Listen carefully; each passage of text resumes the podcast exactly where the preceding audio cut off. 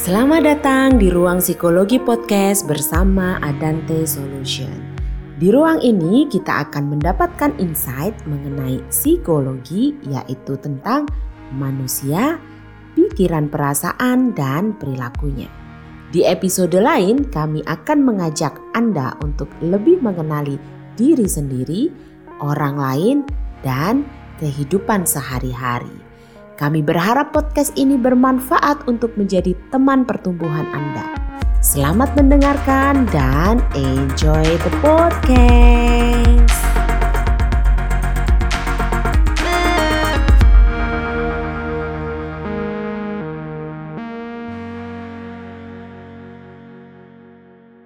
Oke, Bismillahirrahmanirrahim. Alhamdulillah Mas akhirnya kita bisa live ini silau Mas jadi agak ada oh, iya. seluat gitu.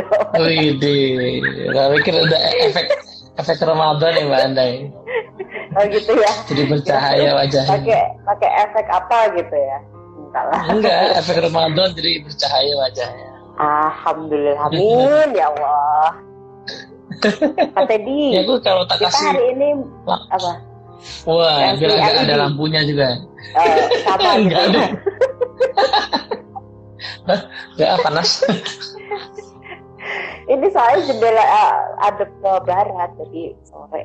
Oh, oh. Siap, siap, siap. Oke, kita mau lebaran loh mas.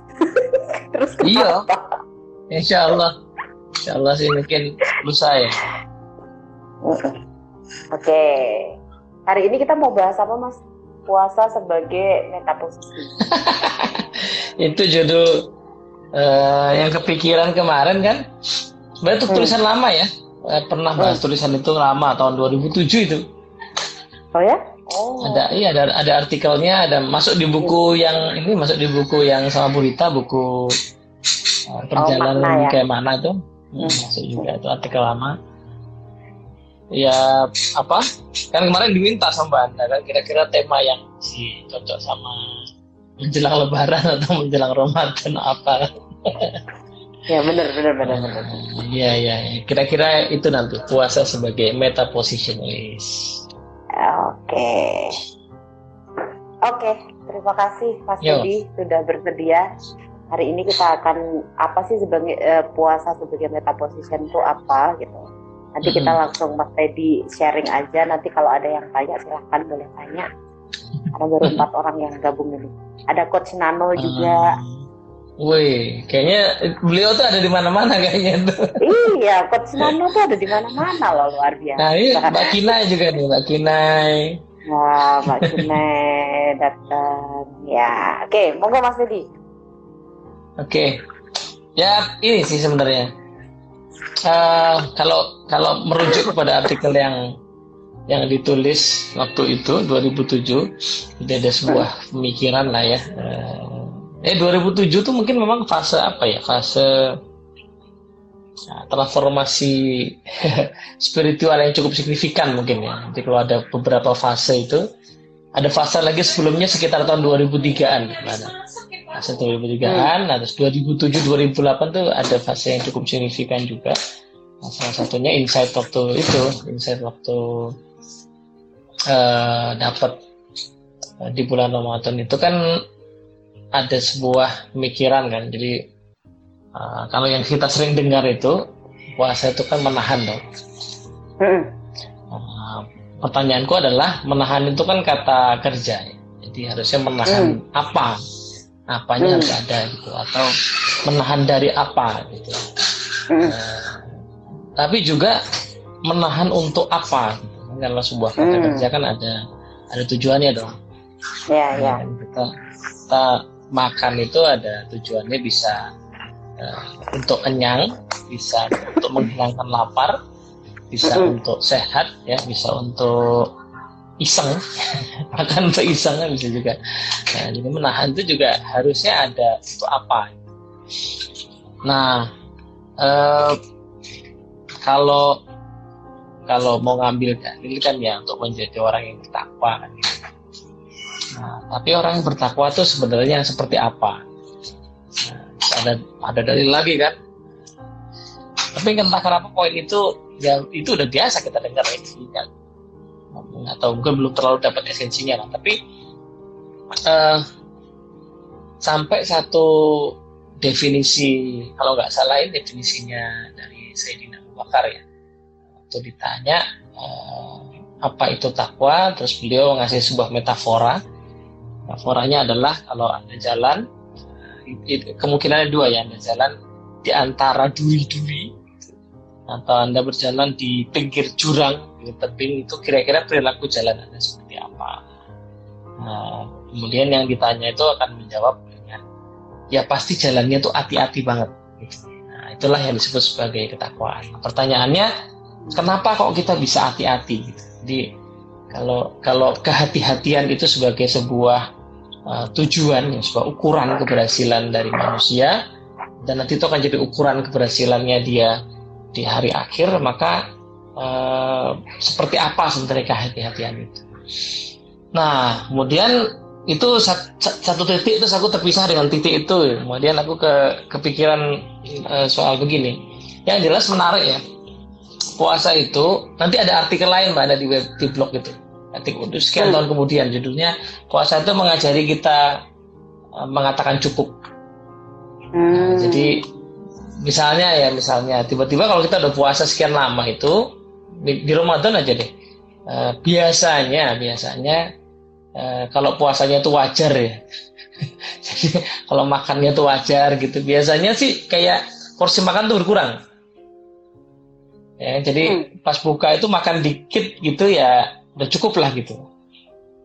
Nah, jadi uh, dalam banyak hal kemudian puasa itu mengatak, mengajarkan kita untuk mengatakan enough gitu. Semacam mengkalibrasi mengkalibrasi nafsu kita lah gitu ya. Jadi yang tadinya mungkin nafsu itu kayak kelebaran kemudian dikalibrasi nah ya. tapi menariknya kok kok bisa itu terjadi itu kayaknya karena ya tadi ya pada saat kita puasa kan ada beberapa aspek yang ditahan yang kalau yang yang lahiriah yang ditahan tuh makan minum gitu ya Nah, menariknya dengan menahan atau tidak melakukan itu kan pada saat yang sama kita sebenarnya mengambil jarak. Itu disebut hmm. sebagai uh, disosiasi. Hmm. Nah, disosiasi itu kalau di NLP itu kan poin yang sangat menarik karena apa ya? Tools yang powerful sekali karena hampir semua apa? Semua submodality itu uh, salah satu esensinya di asosiasi disosiasi itu ya bagi yang belum tahu mungkin asosiasi itu terlibat yang pola pikir kita terlibat dalam situasi menjadi uh, subjek kalau disosiasi kita menjadi observer gitu menjadi pengamat nah puasa itu memungkinkan kita untuk menjadi pengamat gitu bahwa misalnya nih uh, ternyata ya dengan tadi bisa mengatakan cukup ya dengan kita bisa mengatakan cukup segini aja udah penuh perut gitu oh ternyata porsi makanku besar juga ya gitu selama ini Nah, kan. Aku kemarin mengamati itu kan kan sebelum puasa di sini eh, sempat WFH dulu kan sebelum puasa. So, aku mengamati bahwa kok selama puasa itu persediaan snack itu agak awet gitu. Compare tuh sebelum puasa ya, itu. bener, bener, sempat bener, bener. karena karena kemarin sebelum puasa kan awal-awal WFH itu belanja belanja bulanan. Hmm. dengan standar yang biasanya dengan standar yang biasanya. Nah tapi selama WFH berapa minggu itu cepet banget habis. Karena mungkin orang di rumah semua. Nah tapi begitu puasa kok awet? Ada udah ditambah ya. Tambah sedikit tapi kok awet? Nah sepertinya karena ya tadi ya ada ada perubahan standar makan misalnya kemudian tapi poin yang paling menarik adalah ya puasa ini memungkinkan kita untuk ngambil jarak gitu. Eh ternyata kemarin tuh selera makan kita banyak sekali ya gitu. Itu itu baru dari poin makan ya mbak Ade. Belum poin-poin yang lain gitu. Misalnya puasa yang poin menahan yang lain adalah menahan paling challenging itu misalnya menahan emosi gitu. tantangannya selalu ya. ada kan. Hmm, anak-anak juga di rumah gitu. selalu ada stimulus-stimulus lah gitu nah eh, tapi karena kemudian kita nyadar lagi puasa kan kita tahan tuh ya kan misalnya meh meh meh galak gitu mau galak kita tahan atau minimal setelahnya kita sadar kok tadi aku menggunakan nada tinggi misalnya Nah pada saat karena ada konteks puasanya kan kita melakukan itu kan. Kalau seandainya nggak ada konteks puasanya kan cuek aja dilepas aja tuh amarahnya gitu. Jadi kalau karena ada konteks puasanya jadi nyadar kemudian habis itu jadi ada dalam meta position lagi. Ada dalam suatu hmm. situasi hmm. untuk mengambil jarak dan evaluasi lagi. Kok aku jadi kok aku mudah terpicu dengan uh, hal sekecil itu misalnya gitu. Kok aku mudah cuman kayak gitu. Nah, uh, ya lagi-lagi ini meta position ya Nah, di, di, di posisi meta, oh ya, bagi yang belum paham mungkin meta, meta itu above atau beyond. Ya. Position, meta position berarti posisi untuk mengambil di, ya, mengambil jarak melihat diri kita dari kejauhan. Gitu. Nah, jadi nyambung sama definisi takwa tadi kan, karena eh, begitu kita mem membayangkan diri kita kayak berjalan di di antara duri, maka kita tentu harus waspada. Dan berjalannya itu tidak bisa terlalu enjoy asosiasi kan. Perjalanannya harus disosiasi harus apa waspada menggunakan apa peripheral vision gitu Tuh ini di mana nih ada ada ada durinya. Atau di jurang juga gitu kan. Kita nggak bisa enjoy nyantai gitu. Tapi harus waspada melihat jalurnya ya waspada melihat eh, gerakan kaki kita. Nah, kira-kira gitu mana Hmm, oke oke oke. Jadi pois, puasa sebagai metakognisi itu karena hmm, ya suara kok nggak kedengeran, hilang. Berhenti. Berhenti. Sekarang? Suaranya cek cek. Masa sih?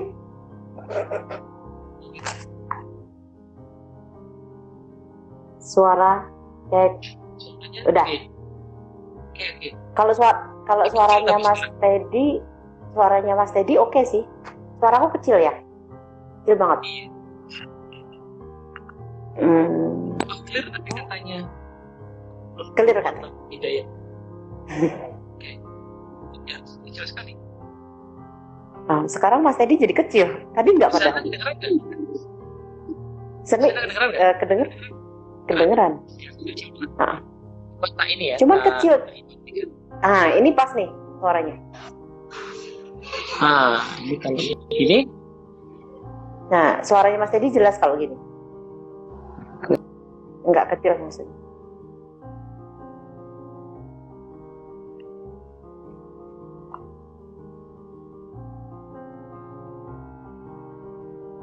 Oh, suaraku jelas, Mas Teddy yang putus-putus.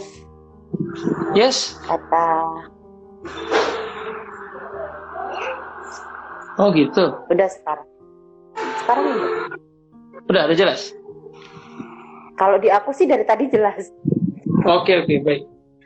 Tak ganti aja kalau gitu. Kita pakai kabel. Apanya? Oh ya baik. aku juga pakai kabel. Jadi ada rasa tersambung yang terputus, Mas. Ya, rasa tersambung yang terputus. Benar juga sih. Oke. Okay. Oke, itu tadi poin awal, Mbak gitu tadi poin awal kira-kira gimana?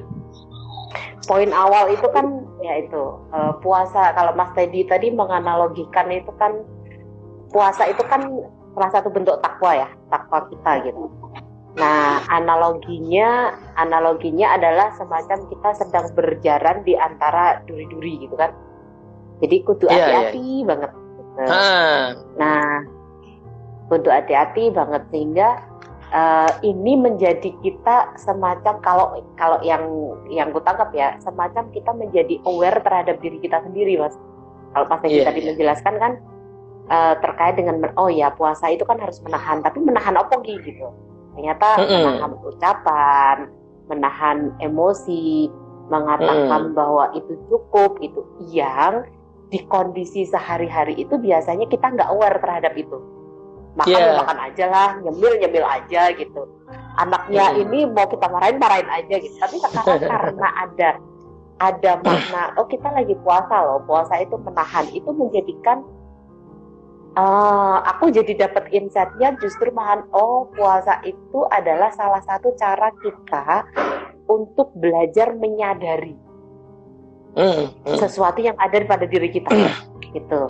Sehingga begitu kita aware oh aku emosi ya gitu. Sadar dengan makna kemudian disosiasi dilihat oh kebetulan aku piye ya. Oh ternyata mm. kok aku jadi refleksinya itu semakin dalam gitu loh. Gitu nggak mm. Sih Hmm. Iya, jadi uh, aku malah barusan Mbak Anda cerita itu soal puasa itu membuat kita sadar. Jadi aku ingat kalau agak lompat sedikit ke bahasannya Seven Habits ya. Seven Habits hmm. di habit satu itu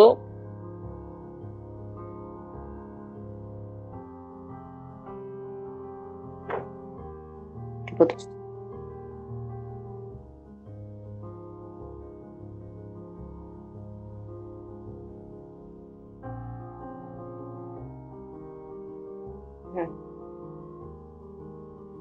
Oke, jelas mbak? Ya. Oke. Tadi, soalnya muter-muter. Tadi muter-muter. Iya benar. nah, jadi di antara ruang itu ada empat anugerah manusia katanya kan. Yang pertama hmm. adalah kesadaran hmm. diri. Nah, kesadaran diri itu kalau beliau menerjemahkan sebagai uh, stop, kemampuan untuk stop. Nah, oh, kan okay. stop itu ya puasa itu kan, ya kan kita stop. Hmm. Nah, pada saat di stop kemudian kita bisa aware terus eh, apa? Karena kalau nggak di stop, kehidupan kan berjalan terus. Kita terus ada dalam arus itu ya, ada terus ada dalam arus kehidupan yang yang kita jadi terlibat terus, jadi nggak bisa nggak bisa nggak sempat mengambil jarak dan memperbaiki. Sama lah kayak kita mau eh, servis mobil, servis motor gitu, kan harus berhenti motornya. Motornya tidak mungkin eh, sambil jalan sambil diservis kan nggak mungkin dia harus Betul. harus apa dihentikan eh, nah dihentikan itu sementara untuk kemudian dicek ada apa gitu gitu oh, oke okay. empat anugerah manusia tadi apa yang pertama adalah oh belum belum belum tak bahas semuanya. Aku cuma ngambil belum poin ya? pertamanya oh, di self awareness. Uh, ya. Poin pertama itu adalah awareness ya. Self awareness. Jadi, kemudian ya yang lain sih oh, nggak terlalu okay. relevan. Cuman aku jadi keingetan bagian itu bahwa self awareness itu stop aja. Oke, oke, oke, oke, oke. Jadi, jadi uh, kita bisa aware terhadap sesuatu pada saat kita dalam posisi berhenti ya, mas. Oh, berhenti gitu. Jadi kalau Mas tadi tadi mengibaratkan mobil mau diservis itu ya dihentikan dulu baru dilihat nih apanya yang selama ini nggak pas gitu. Kemudian kalau di posisi puasa ini juga kita sedang dalam posisi stop kan mm -hmm. menghentikan beberapa kegiatan dan kita banyak fokusnya kan di aktivitas puasa ini ya mm -hmm. yang ngaji dan lain sebagainya gitu sehingga mm -hmm. menjadikan kita menjadi mudah untuk aware terhadap diri kita sendiri. Ih keren ya. Yeah.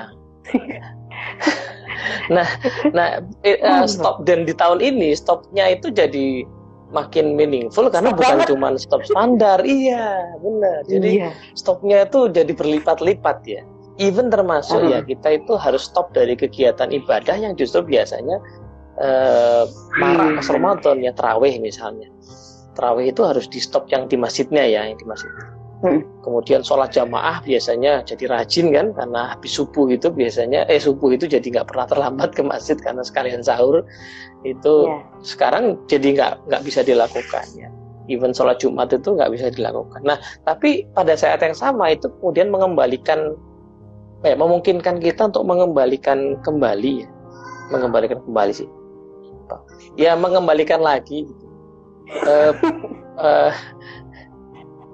uh, pemahaman kita akan ibadah-ibadah itu sendiri yang kurasakan contoh misalnya hmm. kalau sholat jamaah di masjid nih, para laki-laki itu kan kita ngikut imamnya lah ya.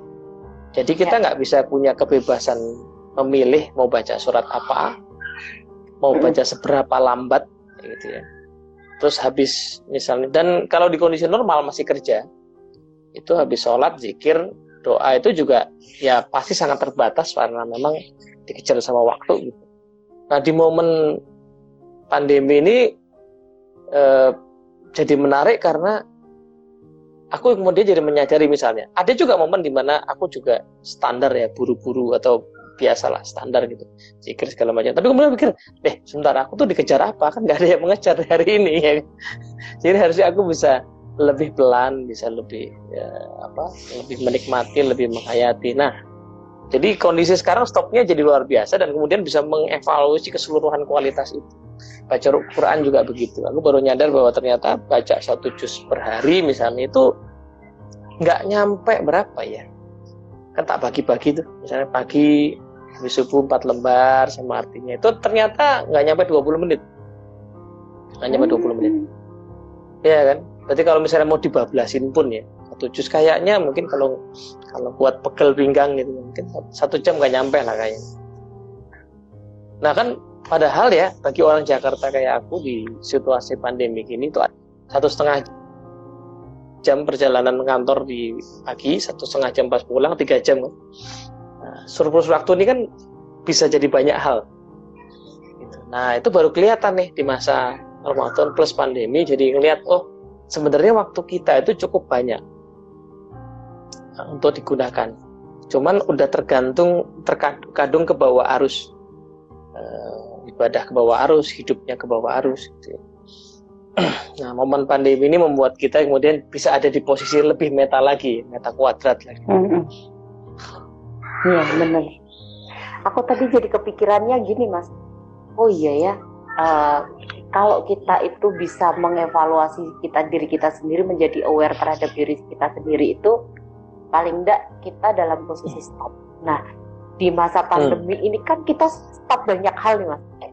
Hmm. Ya, uh, ya kita tetap bekerja sih. Cuman memang ya kalau tadi Mas Teddy bilang gitu, yang aktivitas yang harus rutin tiga jam jalan itu sudah enggak. Kita bisa menghemat dengan stopnya ini tuh jadi menambah uh, kalau yang kurasakan ya menambah oh ya aku tuh jadi aware sebenarnya kayak misalnya yang harus kalau tadi Mas Edi bilang kalau lagi-lagi di, di masjid itu ya ngikutin aja imamnya gitu. Mau sholatnya mau pakai yang ayatnya panjang atau pendek ya udah ikut aja gitu. Tapi hmm. di masa pandemi ini menyadarkan bahwa he kayak kayak diingetin gitu kamu tuh imam juga loh gitu. Kamu tuh imam juga. Iya kamu betul tuh, betul, uh, betul mengambil keputusan juga. Kamu tuh bisa iya, iya, menentukan iya. sesuatu juga. Itu jadi kayak semacam luar biasa ya di masa puasa ini pandemi jadi menyadarkan banyak apa ya uh, tugas peran atau apa yang mungkin tadinya ya dijalankan sambil lalu tapi sekarang dijalankan dengan penuh kesadaran gitu. Mm -hmm. iya, dan aku keingetan waktu uh, per, udah tak jadiin artikel sebenarnya. Insight-nya aku dapat dari Ustadz Nukman Alihan itu. Mm. Uh, beliau tuh punya cara memahami yang unik tentang ayat-ayat puasa. Baru dapat dari oh, beliau okay. itu gitu. Hmm. Jadi Al-Baqarah itu kan waktu bahas puasa itu 183 sampai 187 hmm. ya. 183, 84, 85, 86, 87 jadi 5 ayat tuh. 5 ayat hmm. seputar puasa. Menariknya dari 5 ayat tadi yang nyebut kata Ramadan itu cuma satu. Hmm.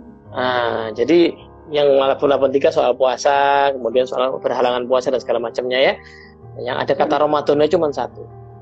Nah, itu beliau bahas. Ini kalau saya ingatku ya dia bahas bahwa ya kan memang puasa itu sudah syariat dari dulu kan. Dari dulu udah ada syariat mungkin dengan metode yang berbeda-beda tapi udah dari dulu. Jadi itu hanya review bahwa umat ini pun akan mengalami puasa. Nah tapi kenapa kok Ramadan itu ditaruh di satu ayat letaknya di tengah mana 183 485 di tengah. Dan eh, itu satu-satunya kata Ramadan disebutkan di Quran dan menariknya eh, di ayat itu kok nggak dibahas puasanya. Jadi puasa dibahas sebelumnya dan setelahnya. Tapi di ayat itu justru syahrul Ramadan allati unzila fihil Quran. Jadi justru yang diomongin soal bahwa di bulan Ramadan itu momen diturunkannya Quran. Hmm. Nah, beliau mengulas bahwa uh, sebenarnya mungkin ya puasa itu hanya sebuah sarana sarana untuk menurunkan sebuah kalam, sebuah sebuah pesan, sebuah petunjuk. Karena petunjuk itu kayaknya paling tepat dimaknai ketika orang lagi puasa. Hmm. Jadi state orang lagi puasa, state yang paling powerful untuk memaknai pesan itu. Maka diturunkanlah di bulan Ramadan itu. Dan asik loh, letaknya di tengah pas. Jadi ini ayat puasa, ayat puasa, ini ayat Ramadan, ayat puasa, ayat puasa lagi di tengah kan Quran itu kalau menurut beliau kan selalu punya apa uh, struktur siklikal gitu kan nanti di tengah itu kemudian jadi porosnya gitu. nah di artikel yang tak tulis beberapa tahun lalu itu aku memahami kayaknya harusnya inilah aktivitas utama orang Ramadan itu bukan puasanya karena puasanya kan ya gitu-gitu aja cuma nahan gitu toh ya. Tapi aktivitas utama selama jeda menahan tadi mungkin adalah harusnya memperbanyak perenungan terhadap Quran. Ya aku hmm. amati, aku masih sangat sedikit ya. Jadi aku baru nyadar pas pas mendengar ceramah itu karena selama ini ternyata aku nggak pernah merenungkan Quran. Selama ini aku hanya membaca, hanya tilawah yang nggak aku pahami gitu ya. Jadi habis itu aku mengubah target mana. Kalau dulu target itu pengennya uh, apa? Pengennya banyak-banyakan hatam gitu ya. Sejak itu aku nggak pernah punya target. Hatam paling kalaupun punya cuma satu sekali aja sebulan. Justru karena hmm. harus di mana ya, jadi lebih banyak baca artinya, merenungi, ngambil satu dua ayat. Uh, bahkan sekarang Ustaz Tuman itu di Bayina TV hanya membahas satu surat, surat Yusuf aja gitu. Jadi bagi beliau uh, merenungi satu itu lebih baik daripada kita membaca banyak tapi nggak mendapatkan apa-apa. Gitu. Nah, hmm. momen yang paling pas itu kayaknya momen meta position itu. Karena kan hmm. gini, satu satu insight yang aku sangat menarik kalau aku dapat dari satu teman sekian beberapa tahun ngikutin kajian beliau itu adalah. Quran itu selalu ngasih tahu kita thought process, proses berpikir.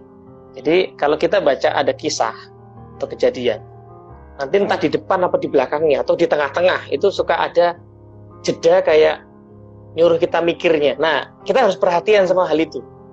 Kita disuruh mikir apanya. Misalnya, misalnya, aku ingat kemarin aku baru merenungi. Nah, di surat Al-Baqarah itu ada eh, bahasan soal pemindahan kiblat. Ya, pemindahan kiblat. Hmm. Jadi eh, satu kali waktu di Madinah kan terjadi pemindahan kiblat tuh dari dari Masjid Al-Aqsa ke eh, Ka'bah kan, dipindahin kiblatnya. Yang itu jadi omongan tuh bagi bagi orang-orang uh, ahli kitab di masa itu kenapa orang muslim kok ganti kiblat gitu kan kemudian habis itu jadi mungkin jadi omong nek aku bayangkan netizen zaman now gitu ya. Itu mungkin komentarin wah itu tidak sah agamanya. Nah, misalnya gitu gitulah ya. Nah jadi tapi viral, kemudian ya? jadi viral. Nah, tapi kemudian di di rangkaian ayat kiblat itu ada ada ayat yang kemudian membahas soal thought process.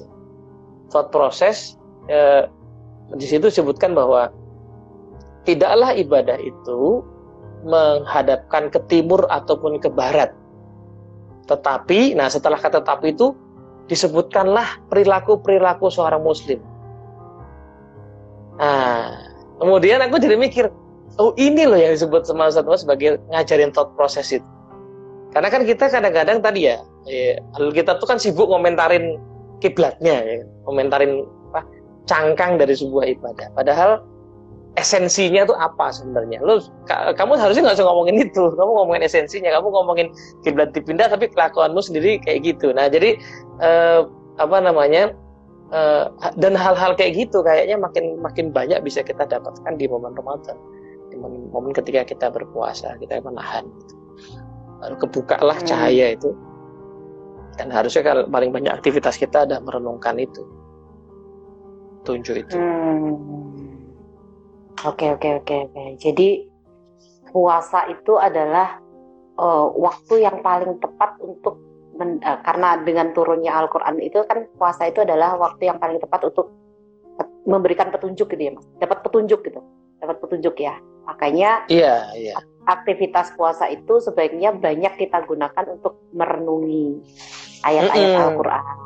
Mm -mm sehingga kita esensinya itu dapat kayaknya sih begitu. Jadi eh, hmm. ya balik lagi menahan itu kan sarana. Menahan itu alatnya jadi ah, alat itu dipakai buat apa gitu. Salah satunya sepertinya aktivitas yang sangat perlu banyak dilakukan itu adalah itu. Harusnya ini bahasan di awal Ramadan nih. Iya ya benar ya. Iya jadi mengantarkan orang-orang ini dengan uh, kayak dikasih center gitu. Oh itu gitu. Iya iya. Iya iya. Iya iya iya oke oke oke oke. Menarik ya gitu. Jadi uh, apa ya aku jadi memaknai oke okay, Allah itu kasih kita kesempatan untuk dalam satu tahun loh cuman di 29 sampai 30 hari kita untuk mm -hmm. menahan gitu. Ternyata mm -hmm. di di di masa ini kalau uh, apa di masa ini kita diminta untuk uh, untuk berhenti sehingga kita ya orang berhenti itu baru bisa disosiasi kan mas merenungi itu mm. kan juga dalam posisinya posisi meta kan Mm-mm. baru kita bisa merenungi sesuatu gitu. Jadi, betul, betul, betul. Nah, begitu berhenti kita bisa dalam posisi meta melihat uh, misalkan merenungi Al-Qur'an atau melihat kondisi dan sekarang memaknai hal-hal itu dalam posisi meta sehingga kita dapat gitu. Oh, oke. Sehingga pada saat akan menjalani lagi hari ini misalkan merenungi sesuatu, oh besok mau diaplikasikan asosiat lagi gitu. Bisa diasosiasikan dalam kehidupan kita atau ibadah kita di bulan puasa gitu ya. Mm -mm. Uh, dan kalau dipikir-pikir seluruh kehidupan perlu kayak gitu ya. Tadi ya mobil itu yeah. perlu diservis dengan berhenti. Ya kan? Kemudian ruangan perlu di di stop kegiatan di ruangan itu untuk dibersihkan. Uh, apalagi? Ya mungkin pandemi ini adalah bagian dari cara Tuhan untuk membersihkan banyak hal, yang membersihkan udara, membersihkan pola pikir ya. Memberikan kita sebuah ketidakpastian yang akhirnya kemudian uh, jiwa kita tuh mencari gitu ya. Apa yang pasti di antara ketidakpastian ini kan. Gitu. Ternyata hmm. banyak orang masih kemudian mendapati dirinya tuh sebenarnya masih diberi kehidupan misalnya masih diberi gaji ya, ada sih memang yang tidak kemudian akhirnya harus di PHK misalnya tetapi uh, apa menariknya adalah peluang-peluang baru jadi muncul. Waktu di apa di IG Live sama Ulum kan bahas itu ya, bahas. Hmm. Kemudian hmm. ada sebagian orang menemukan potensi bisnisnya itu kemudian bisa digeser ke mana dulu, dicobain hal baru lagi. Nah, jadi eh, banyak organisasi akhirnya jadi menahan untuk agresivitas normalnya karena nggak jalan, nggak bisa jalan. Lalu kemudian dia mulai berpikir kayaknya emang ya harusnya aku punya ini lain deh apa eh, cadangan bisnis yang lain deh. Tadi ya biasa bisnisnya di corporate B2B gitu. Kemudian sekarang mikir, waduh B2B ini begitu ada pandemi habis ya. Kayaknya aku harus main di retail juga deh. Misalnya gitu. Jadi eh, jadi jadi punya waktu mengambil jarak untuk kemudian bisa dan itu kan diperlukan untuk diperlukan oleh banyak hal dalam kehidupan kita ya. Sehat Mas Okto. Gitu. iya, sehat Mas Okto. Iya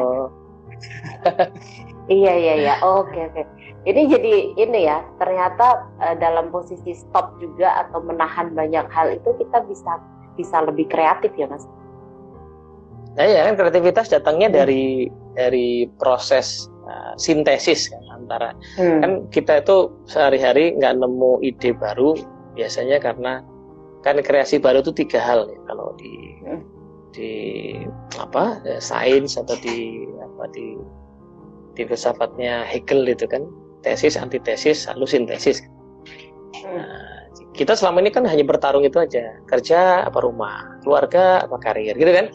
Uh, mau handle klien yang A apa yang B kan gitu jadi harus untuk bisa ketemu sintesis harus meta position harus meta position nggak bisa ngerjain dua-duanya misalnya terus kemudian oh ternyata bukan A atau B tapi yang C yang sebelah sana ya digarap Nah itu hmm. uh, jadi kayak gitu, memang itu kayak di Nah, jadi kayak zoom, out dulu ya mas? Iya iya benar-benar zoom out. Zoom out dulu ngelihat. Gitu. luas gitu. Betul. Nah poin terkait dengan Quran tadi juga nyambungnya gitu kak. Quran tuh selalu melihat, mengajak kita melihat situasi lebih apa ya, lebih lebih gede. Jadi gini, kan setiap hal itu selalu ada angle-nya. Hmm. Dari angle itu jadi frame kita jadi mana sesuatu Nah, hmm. kadang-kadang ada situasi angle-nya nggak tepat. Nah, itu jadi jadi kita dapetin mana yang kurang powerful kan. Nah, Quran selalu ngajakin kita tuh ngasih angle yang tepat terhadap sebuah situasi kan.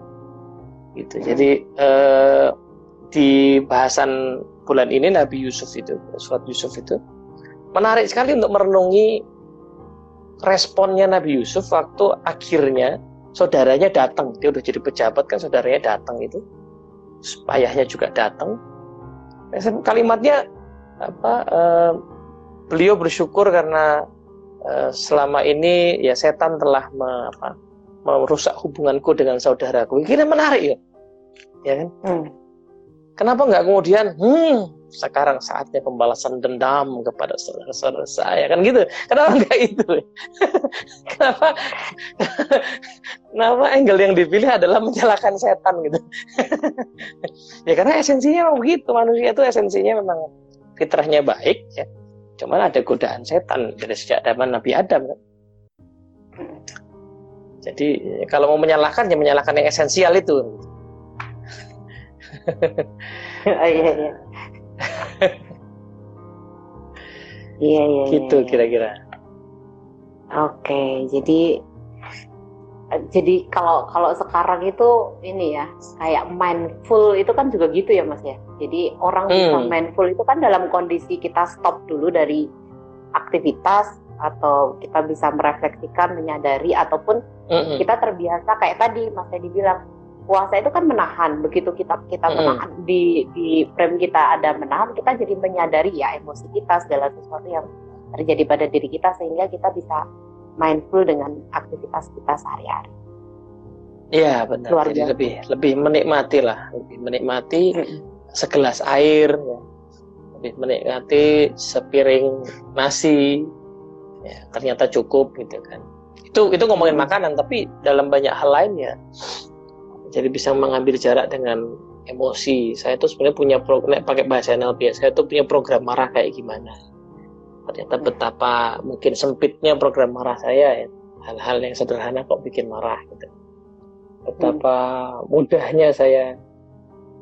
Dan dan menarik sekali gitu.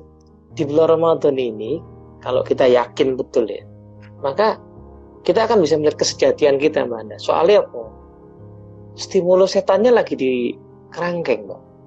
Iya benar. Jadi kalau iya. seandainya kita masih berperilaku kesetanan itu berarti bukan setan itu itu kesejatian ya, kita ya. yang saat ini gitu kan. Ya, ya kan? ya, ya. kalau di luar Ramadan kita bisa bilang bahwa oh ada godaan setan. Dari luar maksudnya tapi di dalam Ramadan nah, itu... sebenarnya itu adalah program yang udah masuk di kita yang kemudian perlu kita reprogram Ya, ya, ya, ya. Kita jadi menyadari program-program yang ada diri kita ya, gitu. Mau kita jadi orang, bagaimana kita me, apa ya, merespon sesuatu gitu, karena memang setannya udah nggak ada. Ini, berarti itu adalah program-program yang sudah terbiasa kita terjadi pada diri kita. Uh, uh. Ini Keren, ini ya? aku kerasa banget tahun tahun lalu mbak, aku kerasa banget setan dibelenggu sama tidak ya, stimulus belum mengatur. Nanti tahun hmm. tahun coba cek aja nanti ya, tanggal satu Syawal itu kita bangun jam berapa coba? Setelah 30 hari kita yeah, bisa yeah. bangun jam 3 sebelum hmm. nyiapin sahur atau sebelum sahur kita tahajud dulu kan mudah tuh sebulan itu ya. Hmm. Tapi coba deh satu syawal nanti cek deh, semudah hmm. itu apa enggak? Iya, iya benar. Yang aku rasakan nggak semudah itu. hmm. Makanya ada sol, uh, puasa sunahnya setelah di sawal kedua ya kan? Exactly. Itu kayak kalau di training gitu ya. Hmm. Ada namanya transfer of training kan. Jadi hmm. habis training 2 3 10 hari, nah ada fase supaya training itu bisa dipakai di kehidupan nyata ya.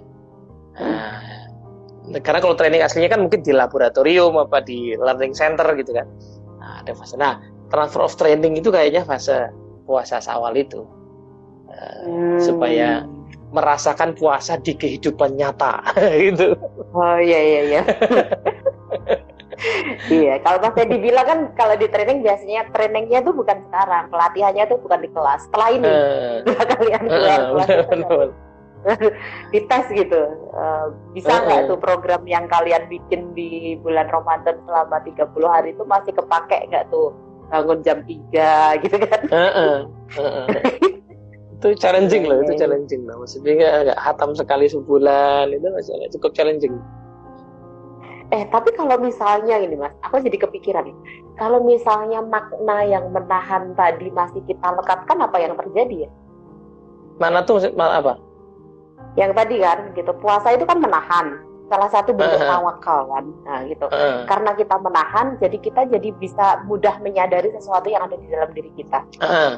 Uh. Nah, dan uh, karena tawakal tadi kan ya karena taat ya mak maksudnya uh, puasa itu kan wajib karena itu, kita udah nempelin bahwa itu wajib jadi mau nggak mau harus nyiapin sahur apa dan lain sebagainya uh kan jadi ada pendorongnya gitu loh nah kalau uh -huh. misalnya di akhir puasa ini kita bisa memaknai sesuatu sehingga itu bisa menjadi pendorong kita untuk itu gimana bisa nggak mas kira-kira kayaknya harusnya begitu Harusnya kan itu take away-nya kan itu. Makanya nasihat para ustadz dari dulu kan begitu ya bahwa ini bukan hanya menahan laut dan harga gitu kan. Uh, ya kan karena harusnya tiap tahun tuh ada take away-nya. Hmm. take away-nya apa insight-nya. Insight itu kita bawa setahun ke depan. Nah, nanti tahun hmm. depan kita ya udah wah udah berjibaku lagi dikalibrasi lagi. Maka rugi memang yang yang nggak dapat takeaway itu ya. Tahun ini nggak dapat sesuatu tuh rugi. Itu aku baru ngehnya itu. Itu mungkin cara mudah mendapatkan takeaway itu adalah dengan ya tadi banyak merenungi Quran itu. Karena Quran hmm. itu semacam ngasih kita iya clue-clue gitu loh clue-clue. Hmm. Clue-clue apa yang harusnya kita ambil takeaway itu harusnya gimana cara hmm. jadi sehingga kalau kita menahan ya menahan saya oleh hidup dikasih panduan kan lebih enak tuh mbak mbak anda kan hmm. suka minta panduan nih kan nah terus dikasih panduan apa yang harus dievaluasi gitu loh hmm. nah itu somehow nanti dari tahun ke tahun kan berbeda yang kita dapetin kayaknya gitu sih hmm. Oke oke oke oke oke jadi uh, ini ini menarik nih mas karena gini banyak orang yang merasa bahwa uh, setelah Ramadan mudah-mudahan kita bertemu dengan Ramadan berikutnya ya gitu hmm. hanya itu yang kita tempelkan gitu maksudnya setelah ini tuh banyak activity yang di bulan Ramadan itu sebaiknya bisa bisa tetap stabil gitu nah bisa hmm. jadi hmm. Pengambilan makna atau insight atau take away yang Mas Mas Teddy tadi bilang itu nggak dapet gitu nggak dapet hmm. dalam itu gitu sehingga makanya aku, dorongannya tuh jadi nggak sama gitu. Bener. Hmm. Makanya aku tuh ngerasa memang bener banget ya. Aku sekarang akhirnya bener-bener aku tuh nggak pernah mengejar hatam sama sekali mbak Anda. Hmm. Karena sebenarnya kalau kita mau renungin satu ayat, satu huruf saja itu dan mencoba mengaplikasikan dengan bertanya implikasi. Nah, ini ini ini aku menarik ya. Di Ustaz Tuman tuh selalu menekankan gini bahwa setiap ayat itu belum tentu bisa diaplikasikan. Ya, karena ya ayat tentang perang misalnya kan kita nggak bisa aplikasikan tapi ada implikasinya hmm. Jadi implikasinya ternyata meaning meaningnya buat kita sekarang apa hmm. nah ya contoh lain yang ayat nggak bisa diaplikasikan dengan mudah at least ya ayat poligami misalnya hmm. masa iya mau kita aplikasikan gitu kan itu kan okay. tapi ada implikasinya kalaupun hmm. saya nggak mengaplikasikan ada implikasinya apa Ya di bagian akhir itu kalau kamu tidak bisa berlaku adil maka cukup satu saja. Itu implikasi yang luar biasa kan. Nah, karena satu aja kadang-kadang kita nggak adil gitu. nggak adil hmm. dengan dengan dengan dia karena kita punya persepsi, kita punya pekerjaan, kita punya tugas-tugas, kita punya mungkin kalau punya banyak peran ya masih ada orang tua, mertua segala macam. Itu kan nggak mudah juga kan. Jadi iya. Dan adil kalimat, itu oh, benar Iya, adil itu kan esensi dalam berkeluarga kan itu. Adil itu. Iya. Dan kalimat terakhir itu mengajak kita menjadi merenungi ke dalam diri loh, Mas. Eh, iya. Iya, benar. Sebenarnya eh, cek gitu kayak kayak kayak kayak cek lagi gitu. Kalau kamu hmm. adil gitu. Jadi cek lagi gitu. Jadi kita jadi stop lagi kan. Stop melihat hmm. diri kita selama ini gimana sih? Kita sudah adil belum dengan pasangan, dengan keluarga dan lain-lain. Dengan keinginan-keinginan kita sendiri gitu kalau hmm. itu pun belum kita belum bisa kita lakukan secara adil gimana kita akan nambah uh, hmm. keluarga yang lainnya lagi gitu ha, benar benar padahal keluarga yang lain itu dengan struktur yang sama loh ada orang iya, tua iya. ada ipar ada ponakan gitu. Iya iya iya. Oh. makanya benar tidak semua hal bisa diaplikasikan di Quran itu. Hmm. tapi implikasinya pasti ada. Implikasinya ada. Ayat tentang apa? Ya tadi ayat tentang peperangan misalnya. Itu nggak bisa hmm. diaplikasikan hmm. untuk sekarang ya. Hmm. tapi implikasinya pasti ada gitu. Nah yeah. implikasi itu kan didapatnya lewat refleksi kan? Iya lewat refleksi hmm. lewat refleksi nah hmm. nah sehingga seharusnya setelah ini proses refleksi itu yang Asik membayangkan ya kenapa perlu ada rutinitas. Rasulullah bukan menyarankan kita minimal hatam diusahakan sebulan sekali kan aja. Nah, beliau katakan begitu lalu ada kemudian sahabat yang merasa bisa lebih dari itu ya. Nah, tapi menurut saya orang awam sih minimal sebulan sekali itu cukup. Karena itu checkpoint ya. Jadi sebulan itu kita ngalamin banyak kejadian. Kalau kita punya rutinitas membaca dari pagi apa di malam gitu atau di siang-siang gitu, itu jadi rutinitas, maka at some point meskipun itu hanya artinya, tapi menurutku mujizat Al-Quran di situlah ya. Bagus kalau bisa ngerti bahasa Arab ya, kayak Mbak Anda yang pernah nyantri gitu kan. Bagus kalau ngerti bahasa upeng, Arab. Upeng, upeng. bagus banget sih ya. Tapi kalaupun enggak, aku yakin kemujizatan Quran itu kita baca terjemahnya. Pun kalau tulus ikhlas, kayaknya ada manfaatnya. Kayaknya ada hmm. ada meaningnya. Nah, kalau ada rutinitas itu kan ada checkpoint. Jadi di antara kejadian, kalau di itu kan saya belajar tuh kejadian hmm. itu dimaknai lewat internal representation. Nah, uh, nah internal representation kan frame bingkai. Bingkai itu ya apa namanya bisa salah, bisa melenceng gitu ya, bisa terpengaruh keadaan. Nah, itu kalau kita punya checkpoint rutin membaca Quran itu nanti kita akan bisa mengkalibrasi frame itu. Gitu. Nah, ah, oke, okay, aku aku berat, tadi tadi awal sempat ada kepikir mau ngomong ini, sekarang baru tadi terus lupa terus aku baru ingat lagi. Hmm. Ada satu hal yang kurunungi di Ramadan ini. Ya ini nyadarnya karena karena pandemi dan BFA ini. Ramadan itu kan nggak betul-betul kita bisa lihat ya secara bulan. Maksudnya ya memang sih kita lihat bulannya datang dan pergi gitu. Tapi kan nggak ada judulnya Ramadan itu nggak ada. Ya? iya iya iya. itu kan itu Karena kan pas bulan juga datang dan pergi. Iya. Dan iya, aku iya, iya. penasaran itu sejak kapan itu ada. Karena sebelum sebelum uh, Rasulullah diutus itu sudah ada bulan-bulan ini. Islam itu kan sudah ada. Hmm. Jadi kok jadi nggak tahu tuh kapan tuh asal muasalnya itu kapan itu pembagian bulan uh, Komariah ini kan. Uh, tapi kebanyakan orang awam kayaknya nggak tahu dan nggak ngerti pokoknya just taken for granted. Artinya karena dia tidak ada secara fisik berarti Ramadan itu adanya di pikiran kita tuh. Hmm. Ramadan itu adanya di pikiran kita. Kita menyepakati bahwa ini bulan Ramadan. Ya. Nah, dengan di frame begitu, akhirnya kita jadi bisa bisa tadi ya berhenti sejenak ya framenya, frame yang selama ini kita pakai. Kemudian akhirnya bisa kita manfaatkan jeda antara frame itu untuk mengevaluasi berbagai frame yang ada. Gitu.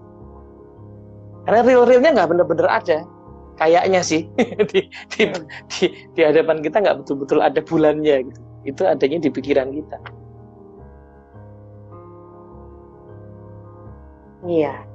Dan dan dari 12 bulan itu kan kita sudah memaknai bahwa bulan Ramadan itu adalah bulan yang suci, suci dan kita sudah meyakini itu. Mm.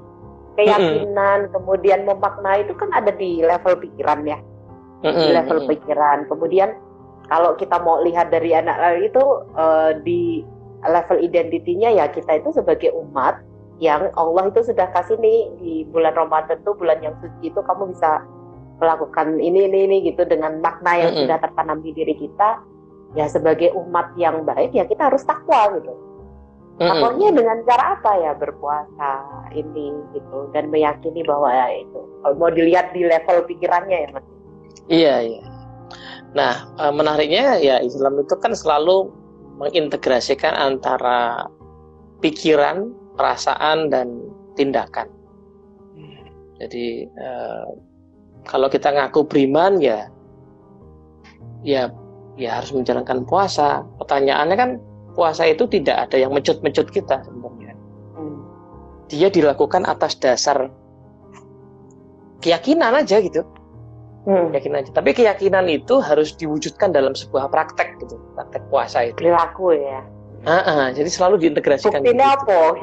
Ah, iya, iya. Jadi selalu terintegrasi. Nggak cuma mikir-mikir toh gitu ya, tapi juga nggak. Yakin, tapi yakin juga toh. tidak hanya. Ah, ah, tapi juga tidak hanya berperilaku tanpa memaknai, tanpa merenungi, tanpa dasar keyakinan. Itu jadi meaningless gitu.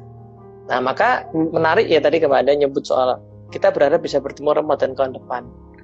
Itu kan berarti seolah-olah hidup di tengah Ramadan itu bukan Ramadan. Eh, apa? Hidup di antara antara Ramadan itu bukan bukan bukan ladang amal. Seolah-olah kan gitu. Hmm. padahal diadakannya Ramadan itu supaya habis Ramadan itu ada apa namanya uh, level praktek yang lebih tinggi. Nah, nanti mungkin berjibaku ya babak belur nah dikasih Ramadan lagi. Gitu. tapi tengah-tengahnya ini sebenarnya the real. eh, iya hmm. tengah-tengahnya sebenarnya the real battle-nya ada di tengah-tengahnya itu. Hmm. jadi nah, harusnya kalau, sih aku, ya, aku sih kebayangnya gini. Aku kebayangnya gini. Kalau orang tiap tahun riset cuman gitu aja nggak ada progres perilakunya nggak ada progres yeah, berpikirnya yeah. itu apa yang kamu lakukan selama 11 bulan berikutnya gitu kan? Uh, uh, terus terus apa gitu pembelajaran jadi kayak orang belajar ya udah masuk ke kelas ya rutin puasa tanpa ada meaning tanpa ada yes pokoknya puasa aku kan uh, hanya sebagai kewajiban gitu ya wes puasa uh, gitu aja nggak dapat makna tertentu yang bisa dia pakai untuk 11 bulan ke depan tuh apa sih yang mau di, dikerjakan lebih baik gitu loh. Itu mm -hmm. jadi ya kayak orang belajar masuk kelas sinaung rokok kayak guru ini mengikuti udah keluar ya udah gitu-gitu aja gitu. iya, iya benar benar. Jadi kayak semacam training tapi kamu disuruh training sama bosku tuh. Training itu masuk iya masuk udah ikut. Ya ikut ikut aja udah. Keluar gitu ya nggak ada progres apa pun dalam dirinya iya benar benar iya padahal panduannya udah ada tadi kan ya. Harusnya iya. tadi upeng upeng nulis bulan Quran tuh sebenarnya kan nah bulan Quran itu kan dulu di mana kan tadi banyak banyak ngaji. Banyak ngaji Padahal sepertinya sih bukan begitu ya. Betul ada keberkahan pasti ya dalam tiap huruf yang dibaca itu ada. Tapi kayaknya nggak mungkin cuman itu. Kayaknya kekuatan Quran itu kan di per, kemampuan dia mengubah peradaban, mengubah pola pikir, mengubah cara kita memandang diri, mengubah cara kita memandang hidup. Itu nggak mungkin didapat secara ajaib gitu. Khatam 10 hmm, hmm. kali terus berubah sendiri itu kayaknya enggak gitu. Justru perintah paling banyak kan berpikir, merenung, ya, menatap langit, iya. merenung, ya, kan? menatap langit, merenung, menatap hewan, merenung gitu. Jadi aktivitas perenungan itu yang sebenarnya harus lebih banyak setelah ini ya setelah Ramadan itu ini, yang aku lakukan di atas genteng dulu tuh mas ah iya itu itu makanya sembuh kan iya, sembuh itu. Kalau nggak merenung nggak sembuh. Iya iya iya bener. Iya iya bener. Jadi Dan di atas genteng itu kan meta position. Itu jadi kayak itu loh mas. Pada merenungi itu semacam kita memperbaiki apa kalau di awal tadi rasa tersambung dengan kabel tadi. E, merenung itu semacam kayak memperbaiki rasa tersambung kita gitu nggak sih? Yeah. oh ya sih ininya apa? Sebenarnya menyadari lagi peran kita apa terus apa yang perlu kuperbaiki. Oh ternyata masih ada bolong di sini aku harus perbaiki di sini. Nah setelah menyadari sebagai manusia yang punya akal dan ini perlu di dibundeli apa ya dibundeli itu diikat dengan makna yang baru. Hmm. kemudian setelah lepas Ramadan makna ini yang akan menggerakkan kita untuk kayak mentren apa ya melatih diri kita sendiri untuk menjadi lebih baik di Ramadan berikutnya. Iya iya. Di bulan-bulan setelah Ramadan itu Iya, setelah Ramadan itu kan cara kita untuk memperbaiki diri kan, Mas. Jadi nanti -hmm. masuk kelas lagi itu sudah naik kelas gitu loh. Ramadan uh, berikutnya uh, itu udah udah naik kelas gak riset lagi di yeah. kelas yang sama. Oke oke oke. Ya. Ya, ya. Jadi menarik untuk masih, iya, uh, udah habis ya. Hmm. Oke, siap lah. Masih lima menit sih, masih lima menit. Jadi Mas Teddy kalau ya menarik untuk dicermati ya para hmm. Perempuan itu uh, tidak wajib mengganti sholat kalau lagi berhalangan kan. Hmm. Tapi wajib, Tapi mengganti, wajib puasa. mengganti puasa. ya, karena ya tetap ya momen perenungan itu tetap ya tetap diperlukan gitu. Bagaimanapun situasinya itu tetap diperlukan. Momen perenungan, momen berpikir, momen mengambil jarak itu tetap diperlukan. Dan itu hmm. kayaknya apa? Itu kayaknya aktivitas kunci seorang muslim ya, orang yang berserah itu merenung. Dulu Pak Bagus aku ingat kalimatnya Pak Bagus itu bilang mengutip juga sih belum mengutip dari Ustadz Ali ya siapa bahwa seorang muslim itu minimal jadi filosof katanya wah apa maksudnya kok minimal ya karena filosofi itu sebenarnya kan pencinta kebijaksanaan yeah. ya pencinta kebijaksanaan jadi kita itu kecintaan kita terhadap wisdom itu sangat tinggi harusnya hmm. jadi kalau kita melakukan apa pun harusnya kita pengen tahu wisdomnya apa, pengen tahu apa yang ada di baliknya, pengen tahu, pengen tahu apa yang ada di apa namanya, yang melingkupi sebuah aktivitas yang sesederhana apa pun lah. Gitu. Sehingga kemarin aku lagi baca lagi Mbak Anda Ihya, kitab Ihya itu uh, pas di bab Toharu itu aku tercengang sekali ya, sampai ada petunjuk soal membersihkan telinga. Di Islam tuh ada petunjuk dari membersihkan hmm. telinga, membersihkan kuku, karena ada esensinya. Mulai dari mana? iya, karena ada esensinya. Jo nganti ngisin-ngisini gitu. Kamu tuh memalu-maluin penampilanmu berantakan gitu. Nah, jadi kayak gitu kan. Menarik ininya gitu. Iya, ternyata di di kita ya, di perilaku hmm. orang muslim tuh udah dikasih manual loh sebenarnya di kitab-kitab bersihin kuping caranya gimana pada saat apa uh, hal mandi besar itu gimana dan lain sebagainya. Nah Mas Okto nih nanya wah tekniknya merenung gimana? Nah, mesti telat ini tadi telat masuk kelas nih mas nanti mas. jadi nanti diulang lagi uh, diulang lagi nonton di IGTV. Ya mungkin uh, ya, pertanyaan Mas Okto ini sambil sambil uh, merangkum ya Mas apa yang kita diskusikan di sore hari ini. Hmm. bahwa uh, yang yang aku tangkap gitu nanti Mas Teddy kalau misalnya ini uh, tolong ditambahin. Jadi Al-Quran itu adalah uh, bulan diturunkan Al-Quran gitu ya bulan Ramadan. diturunkan Al-Quran uh, Ramadan ya salah Ramadan itu adalah bulan diturunkan Al-Quran sehingga Eh, masa-masa puasa ini adalah masa yang paling pas untuk uh, mendapatkan petunjuk gitu. Caranya gimana? Caranya dengan merenung, merenungi setiap ayat Al-Qur'an yang kita baca sehingga kita mendapatkan makna baru. Caranya gimana? Nah, puasa sendiri itu kan apa ya? Dalam posisi menahan. Menahan itu adalah kita memberhentikan uh, sejenak beberapa kegiatan gitu. Jadi berjalannya kegiatan kita menjadi lebih dengan apa ya dengan berhenti kita jadi menyadari sesuatu uh, kayak misalnya Mas Teddy tadi menyampaikan bahwa misalnya emosi nih oh ya kan aku lagi puasa itu jadi aware gitu uh, kalau lagi puasa berarti harus seperti apa jadi hmm. berhenti uh, aware berhenti itu menjadikan kita aware terhadap sesuatu saat kita aware terhadap sesuatu terhadap diri kita uh, uh, terutamanya kita menjadi bisa merenungi. Itu oh ternyata aku ada di sini nih aku perlu melatih lagi di bagian ini. Itu apa sih yang perlu ku perbaiki dan lain sebagainya. Sehingga uh, muncul makna-makna baru di dalam diri kita setelah itu. Nah yes makanya di akhir Ramadan ini harapannya dari hasil perenungan selama 30 hari ini kita mendapatkan sebuah makna baru sehingga pada saat setelah selesai Ramadan makna ini yang akan menggerakkan kita untuk hmm. me menguatkan habit yang sudah kita bentuk di selama bulan Ramadan. Yes. Begitu Mas Teddy?